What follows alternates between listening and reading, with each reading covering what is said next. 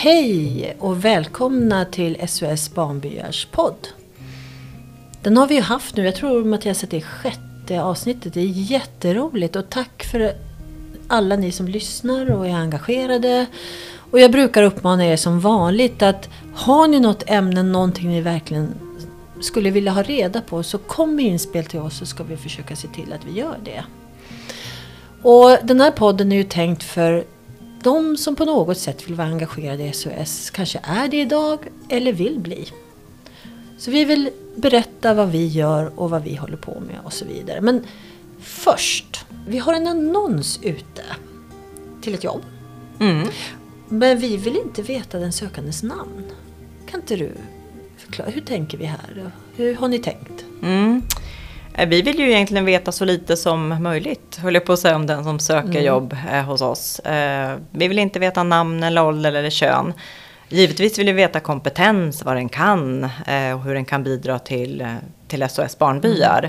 Eh, Men man ska inte få jobb hos oss baserat på vad man heter.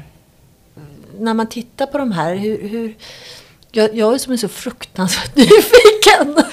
Ja, men så är det. Vi Ja. har haft en första avstämning. Ja. Vi använder en rekryterings, eh, ett searchbolag. eh, Och eh, vi har haft en första genomgång där vi fick se nio ansökningar helt anonymiserade då utan någon personinformation överhuvudtaget. Och eh, det är spännande att se hur man själv eh, kopplar om och går direkt in och tittar på kompetensen eh, och söker det här som vi faktiskt har satt upp i kravprofilen eh, profilen, istället för att direkt hamna i att ja, men gud, kände inte jag igen hennes namn eller har inte hon jobbat i branschen eller sådär som man normalt sett gör. För vi har så lätt som människor att gå till det vi känner igen. Så det är egentligen inte alltid för att vara dömande eller kritisk utan det är så vi fungerar. Att vi liksom landar i, i det som vi är vana vid helt enkelt. Alltså jag tänker direkt liksom så här, ja. ja, Jag börjar direkt se mina fördomar när du pratar. Men, men, Ja. men får man aldrig reda på namnen höll jag på att säga. Men när får ni reda på namnen då? När kommer det in i processen?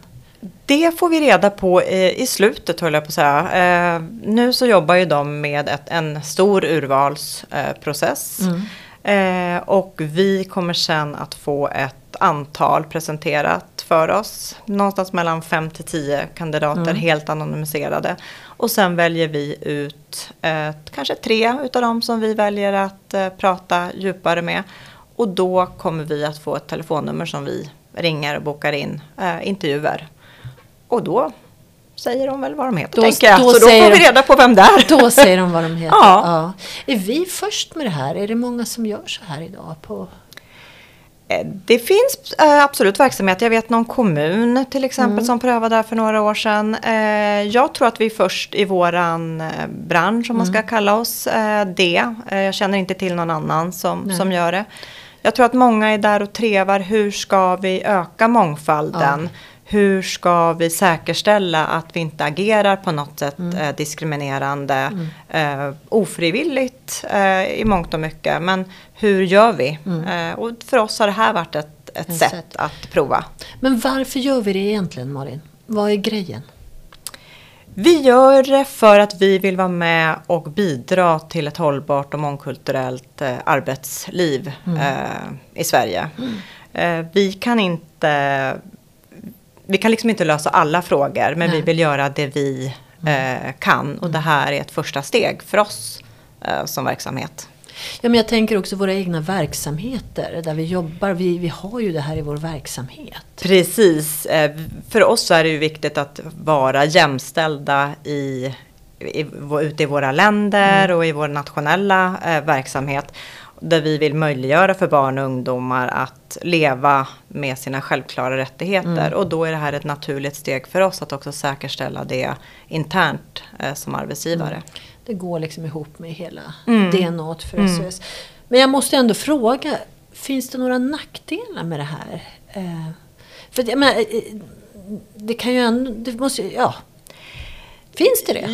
Ja, det blir ju lite så att när man läser en CV, vi får ju ändå information Mm. om att den här personen till exempel har en bakgrund Mm. på ett techbolag och har jobbat med de här frågorna. Mm. Det är klart att man liksom någonstans, om man tittar på en CV med någon som har jobbat i 20-25 år, Mm. kan liksom ut, det kan utkristallisera sig en bild hos mig som läser den CVn. Mm. Att ja, den här kanske har jobbat med någon som jag känner och sådär. Mm, Men det vi aktivt också gör här, det är att inte ta reda på någonting. Vanligtvis när man jobbar med rekrytering så kanske man googlar personen, man försöker att ta Mm. reda på så mycket som möjligt. Vi har ju också committat oss här till att ta reda på så lite Ja, som möjligt. Eh, vi kommer heller inte i intervjuerna att fråga om till exempel ja, men intressen, Mm. familjesituation, ja, hur man lever sitt liv i övrigt. Utan våran målbild är att jobba utifrån personens kompetenser. Mm. Men, men självklart med tanke på den organisationen vi är, bakgrundscheck, referenstagning när vi väl har bestämt oss tänker jag.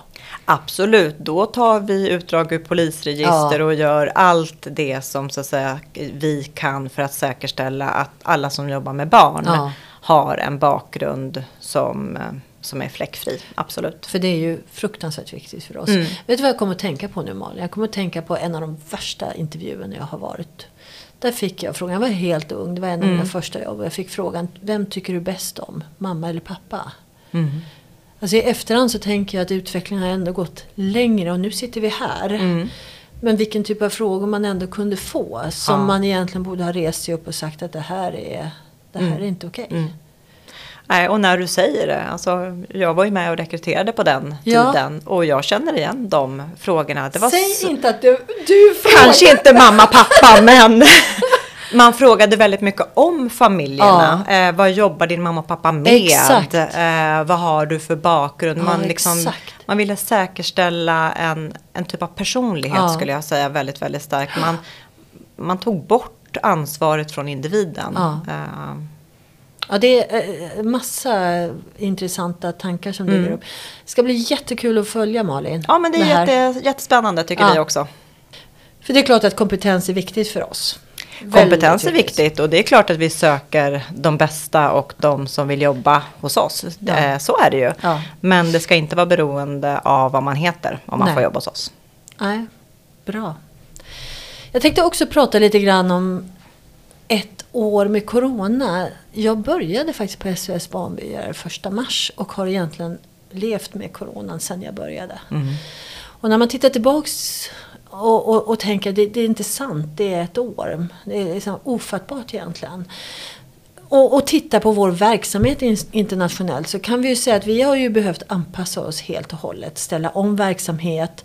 Vi har kompetens, apropå kompetens Malin. Eh, Teresa Ngigi heter hon. Hon är expert inom psykosocialt stöd. Och hon har ju hjälpt våra verksamheter i hur man ska tänka. Bland annat, för det blir ju mycket oro och rädsla och, som påverkar de här barnen eh, i våra verksamheter. Och de ansvariga vuxna måste förmedla trygghet till de här barnen. Mm. Vad vi har gjort då det är ju att möta dem i det här och, och faktiskt ha lite dagliga rutiner, strukturer, organiserade aktiviteter så att man gör någonting strukturellt. Det är faktiskt en metod som funkar. Kontakt med nära och kära. Där har mobil, videosamtal, sms, alltså det, det digitala har ju ökat väldigt mycket. Och faktiskt också traditionell brevskrivning. Mhm. Vilket jag var rätt intressant.